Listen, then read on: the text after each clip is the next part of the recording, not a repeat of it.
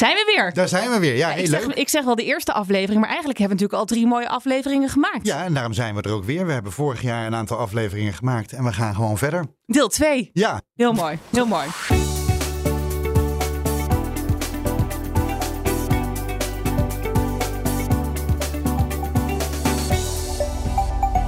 Zoveel mensen, zoveel verschillen. Maar die verschillen zie je lang niet altijd terug in het personeelsbestand van bedrijven. Veel organisaties willen meer diversiteit en inclusie, maar weten lang niet hoe ze dat voor elkaar kunnen krijgen. Hoe zorg je ervoor dat iedereen zich welkom voelt en een nieuwe werkplek veilig aanvoelt om helemaal jezelf te zijn? En hoe kun je ervoor zorgen dat je een eerlijke kans krijgt als je bijvoorbeeld een multiculturele achtergrond hebt en er anders uitziet dan de standaard of een onbekende achternaam? Dit is de eerste aflevering van de podcast Winnen met Verschillen. Mijn naam is Patricia Verliemt en ik mag deze podcastserie hosten namens Michael Page. En dat doe ik samen met vaste tafelheer Joost Fortuin, Senior Manager Director van de Page Group. Hoi Joost. daar zijn we weer. Ja, ik, heel zeg, leuk. ik zeg wel de eerste aflevering, maar eigenlijk hebben we natuurlijk al drie mooie afleveringen gemaakt. Ja, en daarom zijn we er ook weer. We hebben vorig jaar een aantal afleveringen gemaakt en we gaan gewoon verder. Deel 2. Ja, Heel mooi, heel mooi. En de Page Group is in de werving- en selectiebranche actief onder de merken Michael Page, Page Personnel en Page Executive. En het is vanuit hun kennis over de arbeidsmarkt dat deze podcastserie is ontstaan. We gaan sparren met HR-experts over diversiteit en inclusie. Siem Ashaboen, welkom. Dankjewel. Is organisatiepsycholoog en programmamanager culturele diversiteit en inclusie bij verzekeraar Achmea. Siem, welkom. Wat leuk dat je er bent. Dankjewel. Leuk om er te zijn. Binnen Achmea zijn jullie op een breed vlak actief eh, bezig met diversiteit en inclusie. Kan je ons eens meenemen? Eh, ja, dat klopt. Eh, we zijn eh, bezig met diversiteit en inclusie eigenlijk in de breedte. Dus alle zichtbare en onzichtbare verschillen tussen mensen, daar denken we over na. En daar hebben we ook specifiek beleid op. En dat focust zich dan vaak wel op wat, nou, de afgebakende groep. Hè. Dus we hebben het vaak over, nou, meer vrouwen naar de top. Over mensen met een arbeidsbeperking. En nou ja, ik focus mezelf echt op de culturele diversiteit binnen organisaties. Ja, en we hebben het net over zichtbare en onzichtbare. Kan je dat ook nog een keertje duiden? Ja, zichtbare verschillen. Nou, de- als je een cultureel diverse achtergrond hebt, dan zie je dat soms in uiterlijk. Hè? Dus eh, nou, ik heb zelf een hoofddoek op, dat zie je. Een Marokkaanse achtergrond, dat zie je ook. In je naam Ehm, terug bijvoorbeeld? In mijn naam zie je dat Ja, terug. ja. Eh, de onzichtbare verschillen, dan kun je bijvoorbeeld denken aan mensen met eh, nou, autisme. Die zijn anders dan misschien de normgroep en daarmee onzichtbaar divers. Je bent dus binnen DNI verantwoordelijk voor de multiculturele diversiteit. Ja. Eh, maar het begon ooit ook met een studie sociale en organisatiepsychologie. Maar eigenlijk misschien nog wel daarvoor. Eh, want jij ontdekte dat er veel verschillen waren in de maatschappij. Hoe, hoe kwam je erachter? Ik, eh, nou, ik zei het net al, hè. ik heb zelf een cultureel diverse achtergrond. Ik ben Marokkaans, ik ben moslima, zichtbaar ook. En ik ben nou ja, in die zin altijd wel anders geweest dan de norm. Ik ben ook op opgegroeid in een vrij witte omgeving. Eh, voelde me niet heel anders. Nee, dat niet? Nee, absoluut niet. Ik voelde me eigenlijk eh, nou, net zo Nederlands als mijn eh, blonde vriendinnetjes, zeg maar, op de basisschool en de middelbare school. Mhm. En ik denk dat je dat pas gaat meemaken. Dat je nou, misschien net wat anders wordt behandeld of beoordeeld als je wat later in je puberteit komt. Gaat solliciteren voor je eerste baan. Nou, je stage op je studie. Ja, toen viel me wel op van, goh, ja, ik kan sommige dingen niet duiden. Hè, waarom ik nou net wat anders word behandeld. Of gewoon bepaalde argumenten of vragen niet kan plaatsen die mij gesteld worden. En anderen niet? Precies, ja, dat, dat verschil. En daar eh, kwam je achter doordat je met je andere vriendinnen praatte, zeg maar? Ja, nou bijvoorbeeld, dus eh, op een gegeven moment op de universiteit, eh, nou dan kom je sowieso in een wat minder witte omgeving. Dus ik kreeg meer vriendinnen die er net zo uitzagen als ik, die dezelfde ervaringen deelden als ik. Van, oh, ik ben afgewezen op eigenlijk een reden die ik gewoon niet zo goed kan plaatsen. Of ik heb een gekke vraag gekregen over mijn culturele achtergrond. Is dat oké? Nou, en dan is het heel fijn dat je ehm, psychologie studeert. Want eerst Ja. dan, ja, je beschouwt het heel erg als een incident, een persoonlijk incident. En dat laat je varen, want ja, je moet door. Maar op een gegeven moment kom je achter dat daar een hele wetenschap achter zit. Daar groepsdynamieken, groepsuitsluiting. En dat het ook structureel gebeurt. Hè? Dat is met name wat mij op een gegeven moment eh, heel erg aangreep.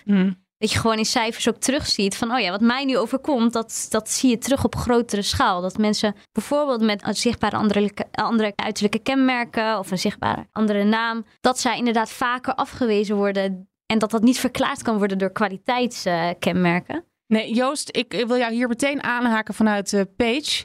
Hebben jullie er ook mee te maken? Absoluut. Ik denk dat de laatste jaren, eigenlijk misschien ook wel onder druk van wetgeving, en daarmee is wel weer het bewijs dat als het moet, dat we het wel doen, hm. hebben we de vragen minder gekregen. Maar wij kregen wel eens vragen dat we uh, of per se een man, of per se een vrouw, of per se iemand van een bepaalde achtergrond of met bepaalde uiterlijke verschijnselen moesten zoeken voor opdrachtgevers. En als wij dan heel hard riepen, ja, dat doen we niet. We gaan, weet je, daar selecteren we niet op. We selecteren op een aantal kerncriteria. En die zijn gericht op iemands ervaring en op objectief meetbare kennis, kunde en, en die je ook op die manier kunt evalueren.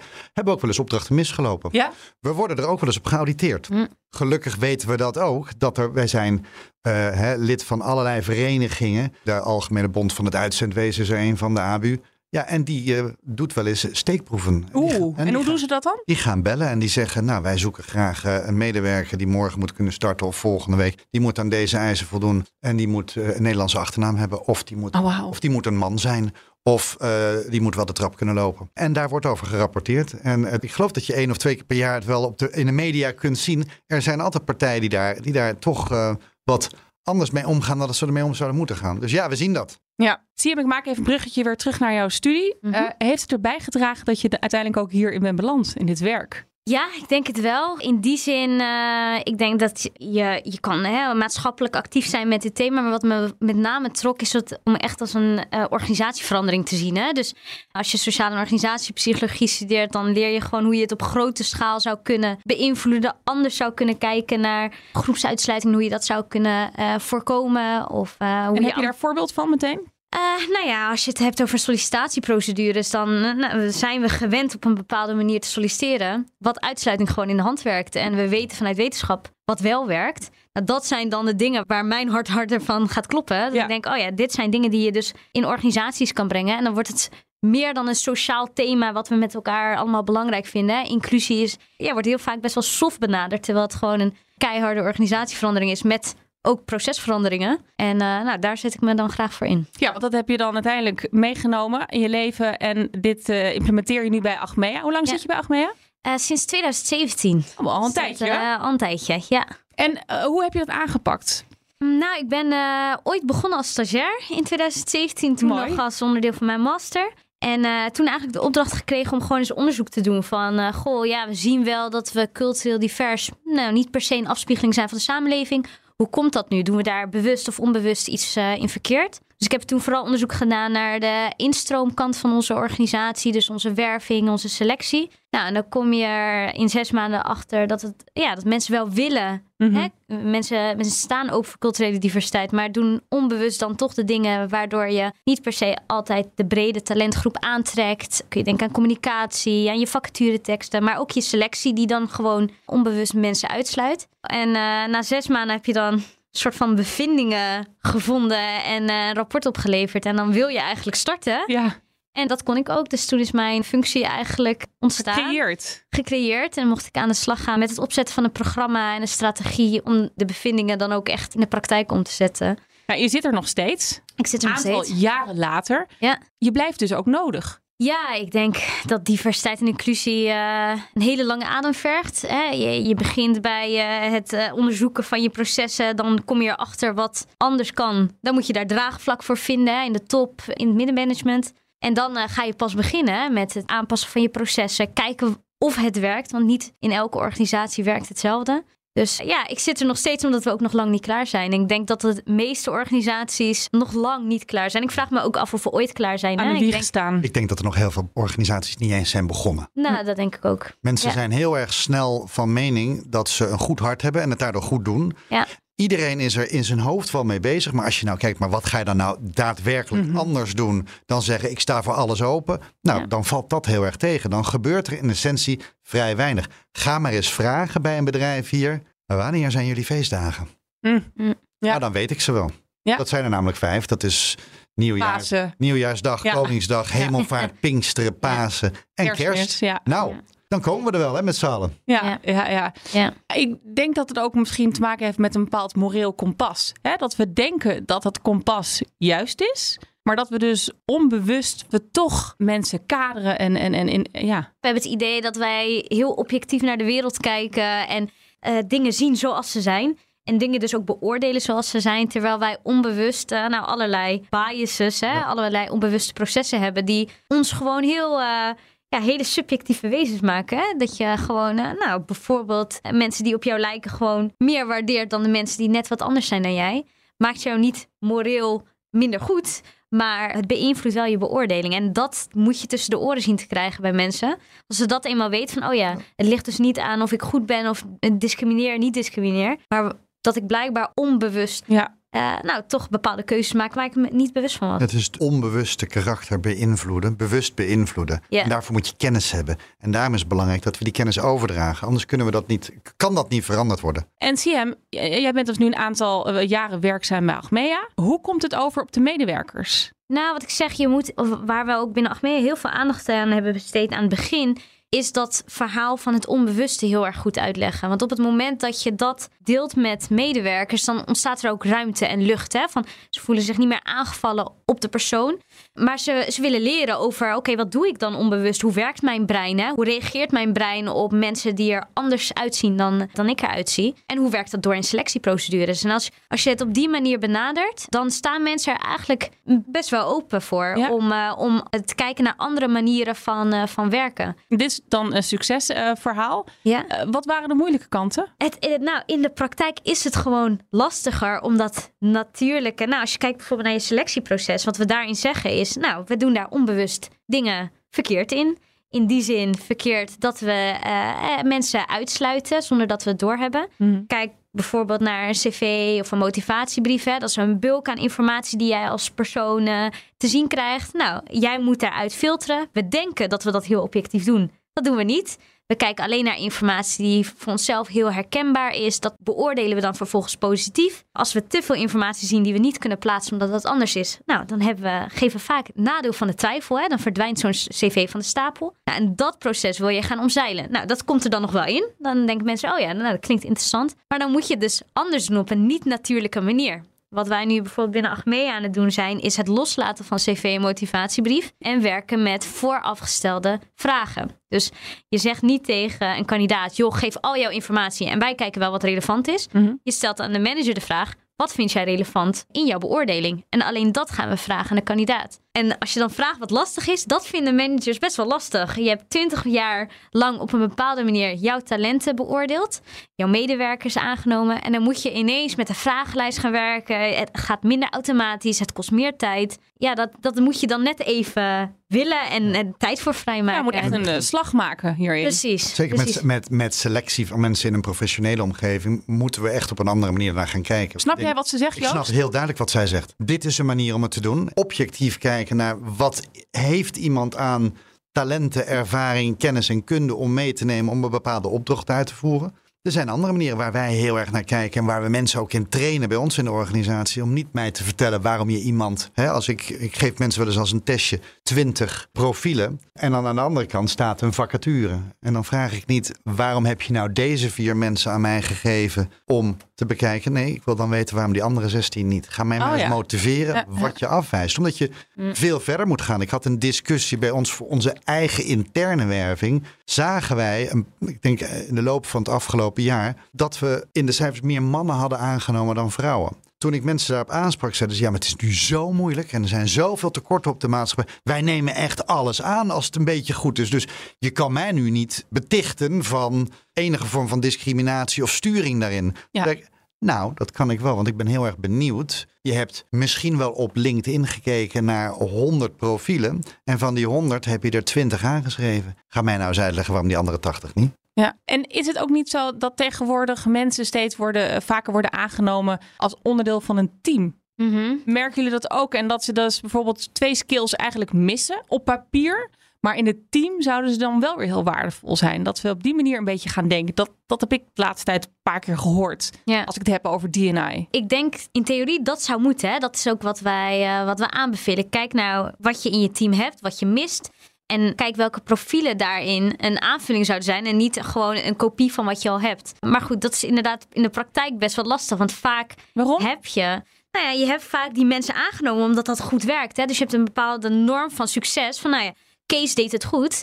Uh, Kees gaat weg. Ja, ik wil gewoon weer een Kees. Een nieuwe Want, Kees. Ja, die, Ja. die deed het goed. Klonen. Ja, dus om dan ineens een heel ander profiel aan te nemen. Ja, we hebben toch altijd het idee, nou, dat gaat niet werken. Want ja, we hebben niet voor niks Kees aangenomen. En die deed het, eh, die deed het prima. Ja. Dus het is, vraagt best wel een eh, mindshift om dan te kijken naar je team als een samenspel van profielen die elkaar aanvullen, versterken. Maar zie je dat wel als ideaal? Ja, zeker. Ja, want dat blijkt ook uit, eh, uit heel veel onderzoek. Hè? Eh, organisaties met diverse teams presteren beter, mits ze goed worden gemanaged. Want dat is altijd wel ook eh, wat vergeten wordt. Diversiteit is niet alleen makkelijk en leuk.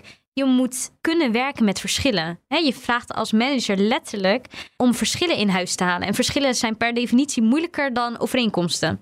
Verschillen Dus- zijn eng, hè? Verschillen zijn eng. Maar je Het- kan winnen met verschillen, hè, Je Joost? kan winnen met verschillen, maar ik denk in algemene zin dat mensen bang zijn dat ze een stuk identiteit moeten opgeven als daar nieuwe identiteiten bij komen. Dus daarom houden mensen zo vast aan een, een nieuwe case. Want dan kunnen we hetzelfde blijven. Dan kunnen we op dezelfde manier met elkaar om blijven gaan. Dan hebben we aan dat halve woord genoeg aan elkaar. Dan hoef ik me niet aan te passen. Want we komen nog steeds uit een soort filosofie dat elke nieuwe werknemer of elke nieuwe, wa- wat dan ook nieuw is in het leven, moet blenden in het oude. Ja. Voor mij blijft nog steeds, en dat heb ik geroepen vanaf dag één, diversiteit is een vehikel voor inclusie. En inclusie betekent dat ieder individu in een organisatie, ongeacht wie je bent, waar je vandaan komt, van wie je houdt eh, en hoe lang je al op deze aarde meedraait en of je alles kan of niet, iedereen, maar ook daarbuiten, moet zich herkennen in die organisatie, moet zich authentiek kunnen voelen. En diversiteit helpt daarmee, maar uiteindelijk zou het ook moeten zijn dat iemand durft te zeggen: ja, ik heb een hobby die iedereen heel raar vindt. En daar wil ik graag voor vrijnemen. Want dat vind ik heel erg belangrijk. En ik denk dat we hebben, we, da- daar zijn een aantal, een aantal pilaren heel duidelijk geïdentificeerd. Maar die zorgen ervoor dat de organisatie toegaat naar de mogelijkheid om ieder individu authentiek in de organisatie te kunnen laten werken. En dan krijg je begrip voor elkaar, dan krijg je samenwerking voor elkaar. En dan kan de rest ook. Dus het is een vehikel voor authenticiteit. Maar als ik jou goed begrijp, CM, dan Mhm. ligt dat ook echt vooral bij de managers. Ook bij de managers. Ik denk net zoals eh, in, bij elk thema dat de manager daarin een voorbeeldfiguur heeft. eh, nou, een sturende, ook een, een bepaalde mate van macht. Hè, en dus kan sturen in het team.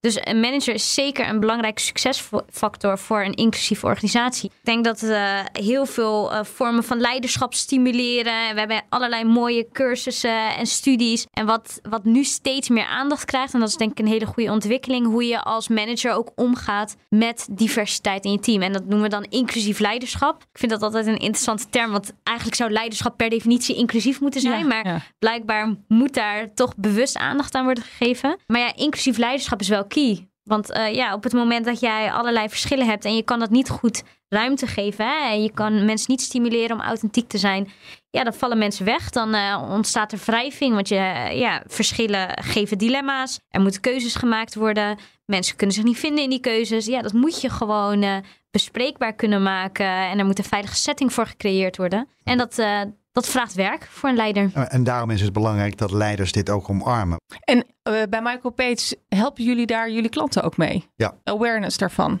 Nou ja, ik denk dat we eh, laten zien wat goed werkt. We kunnen vooroordelen eh, wegnemen Hoe doen jullie dat? door te laten zien hoe het wel gaat. En Lead by example. Lead by example. Nou, lead, nou ja, wij proberen wel een beetje te zorgen dat wat je, wat je uitdraagt of wat de markt nodig heeft, dat we dat intern ook demonstreren en laten zien. Ja, practice what you preach. Een beetje practice what you preach. En daarin zullen we absoluut heel veel steken laten vallen. En daar, hè, het zal niet all-encompassing zijn, want zoals jij net zei, het kost heel veel tijd, maar we doen het wel.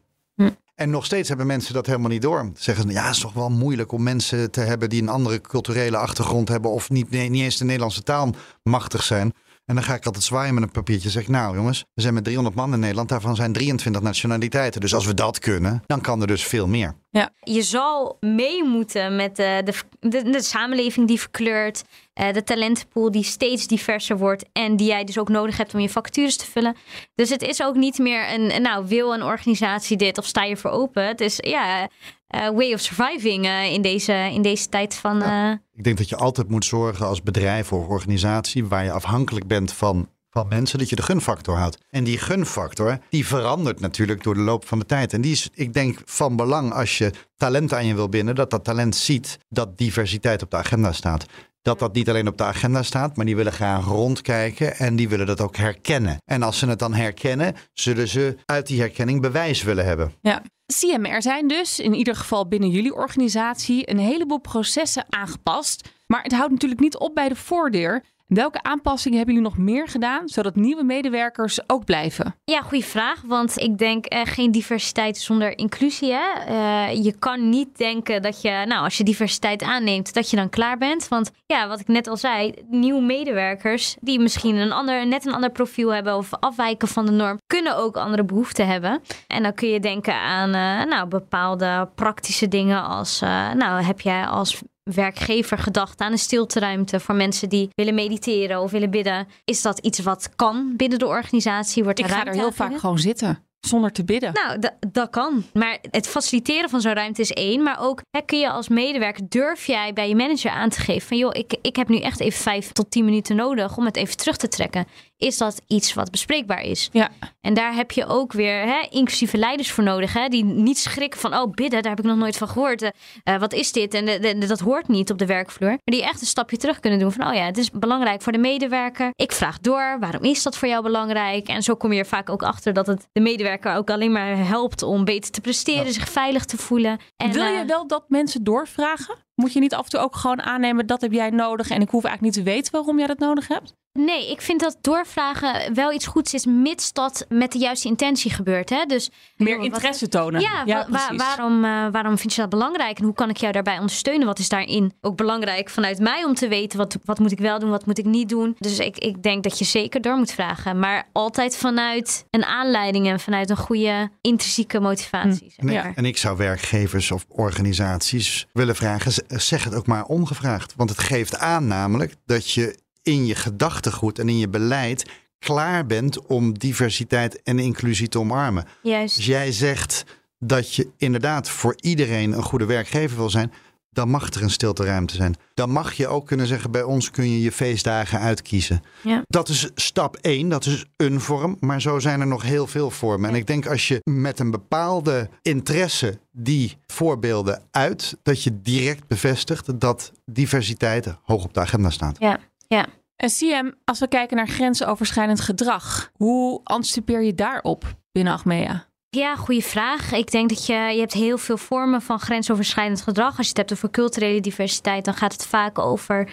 uh, discriminatie of racisme, racistische grapjes op de werkvloer. En ook daar komt de leider weer om de hoek kijken. Van uh, als dat dan gebeurt, of één, kun je voorkomen dat dat gebeurt door een veilige werksetting te creëren waarin iedereen weet dat men elkaar moet respecteren en rekening moet houden met de achtergronden van elk teamlid. Maar als dat dan gebeurt, hoe grijp je dan in? Hè? Hoe zorg je ervoor dat een grapje, tussen aanhalingstekens, bespreekbaar wordt? En dat iemand de ruimte eh, voelt om te zeggen: joh, ik vond dat grapje geen grapje, dat raakt mij persoonlijk. En dat daar dan ook het juiste gesprek over wordt gevoerd. En misschien als het echt heel extreem is, ook de juiste consequenties volgen.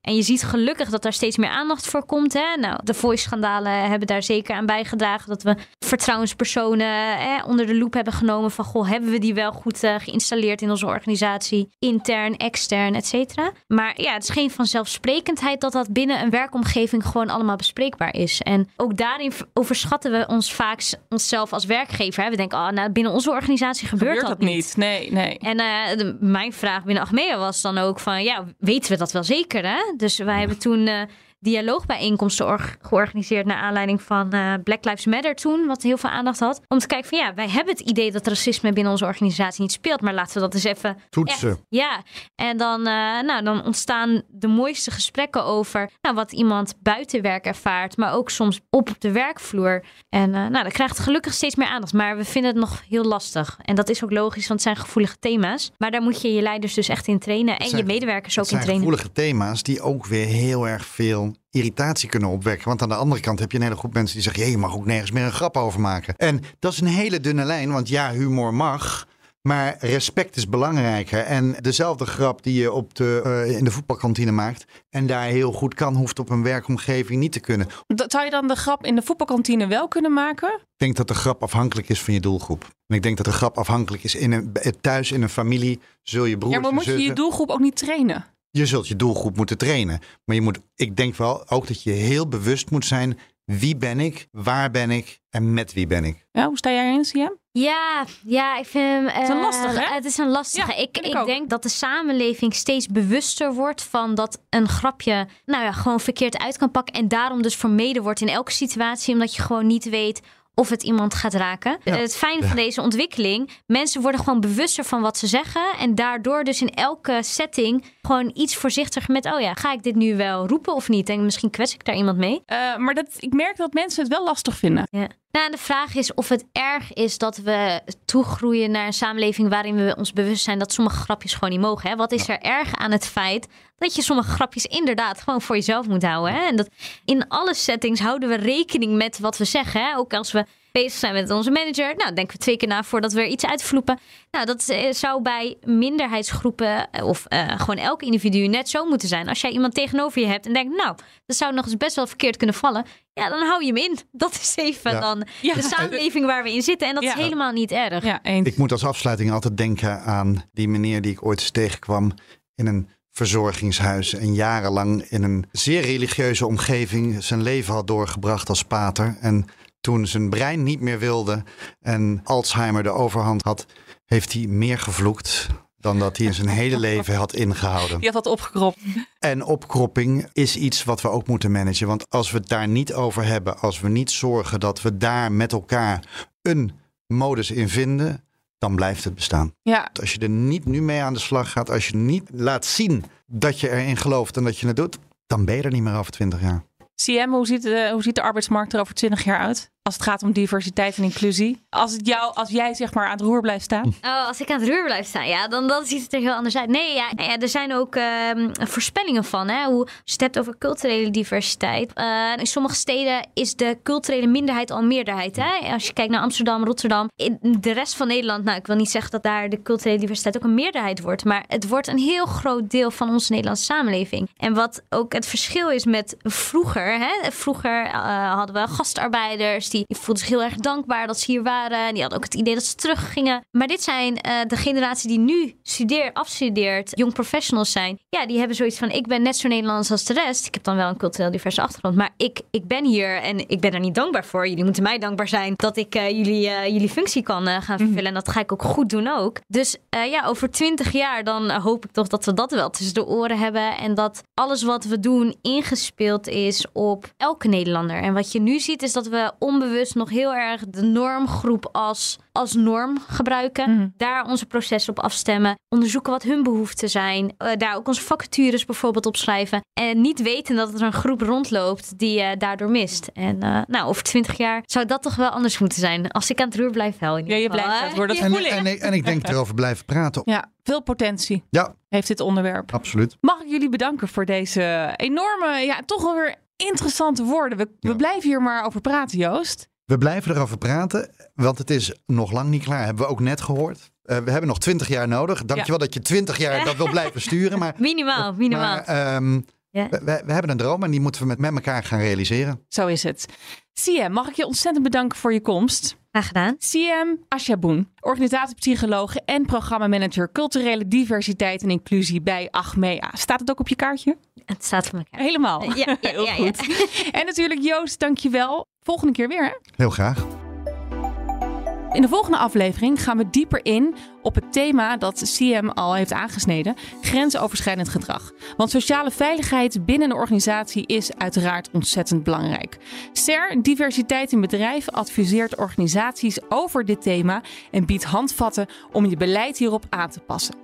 Hussein Dia is beleidsmedewerker en weet daar alles van. In de volgende aflevering is hij te gast. En dit was hem weer, de podcast Winnen met Verschillen. Mede mogelijk gemaakt door Page Group, bekend van de merken Michael Page, Page Personnel en Page Executive. Winnen met Verschillen is te vinden op bnr.nl, Spotify, Apple Podcast en michaelpage.nl slash podcast. Dank voor het luisteren.